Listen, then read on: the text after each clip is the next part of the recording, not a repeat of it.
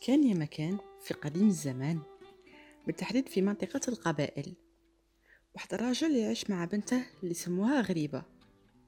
وكان يخرج كل يوم مع الصباح بكري ويروح للغابة يقلع الحطب.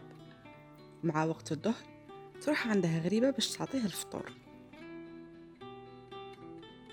واحد النهار في المشتى وين كان البرد والثلج يسود حس هداك الحطاب بالتعب وقرر يركز على واحدة الحجرة كانت قريبة ليه باش يريح شوية. بصح هذيك الحجرة كان ساكنها جن وضايق من جلوس تاع داك الحطاب عليها فقرر باش يعاقبه ولصقه فيها. وكيما العادة راحت غريبة للغابة باش توصل الفطور لبوها حتى لقاتها على داك الحال. قعدت تحاول باش تسلكه بصح ما قدرتش وخافت عليه من وحش الغابة إذا يلقاه في الليل وياكله. راحت غريبة وجمعت الحطب وبنات دار صغيرة باش تحمي بوها فيها. نهار اللي موراه وجدت غريبة الفطور وراحت للغابة. من وصلت لهديك الدار اللي بناتها طبطبت وقالت لبوها يحل الباب. فرد عليها الأب وقالها تهز الإسوارة اللي في يدها باش يتأكد باللي هي صح بنتها غريبة مشي وحش الغابة. وهكا كانت كلمة السر بيناتهم.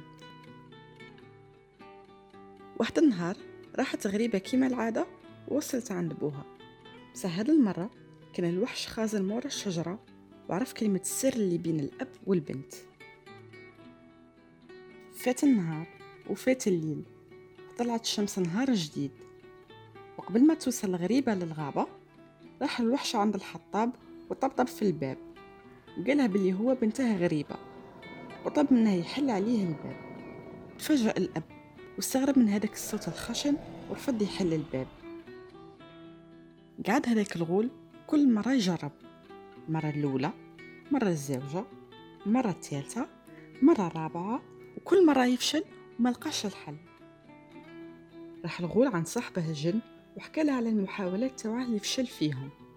فطلب منه الجن باش يعمر الحلقة تاعه بالدهان والعسل ويحل فمه نهار كامل قدام غار تاع النمل.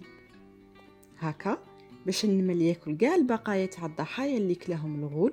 في نفس الوقت هذاك الدهن والعسل رايح يلين الصوت تاعه ويولي كيما الصوت تاع البنات.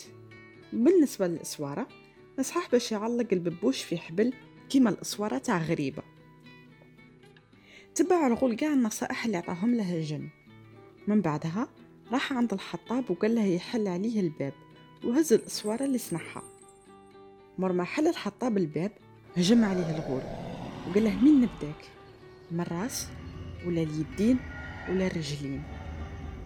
في هذيك اللحظة كانت غريبة داخلة الغابة وبدا الأب يعيط ويطلب منها باش تهرب. شاف الغولة غريبة وعجباته وخمم باش يتزوج بيها وراح يجري موراها. وغريبة راحت تجري هاربة من الغول حتى وصلت للدشرة. سمعوها الجيران تعيط. بداو سكان الدشرة غريبة خزنوها في وحدة الدار وتعاونوا مع بعض حتى قتلوا هذاك الغول. كانت هذه هي حكاية اليوم. نتلاقوا في الحلقة الجاية. سلام.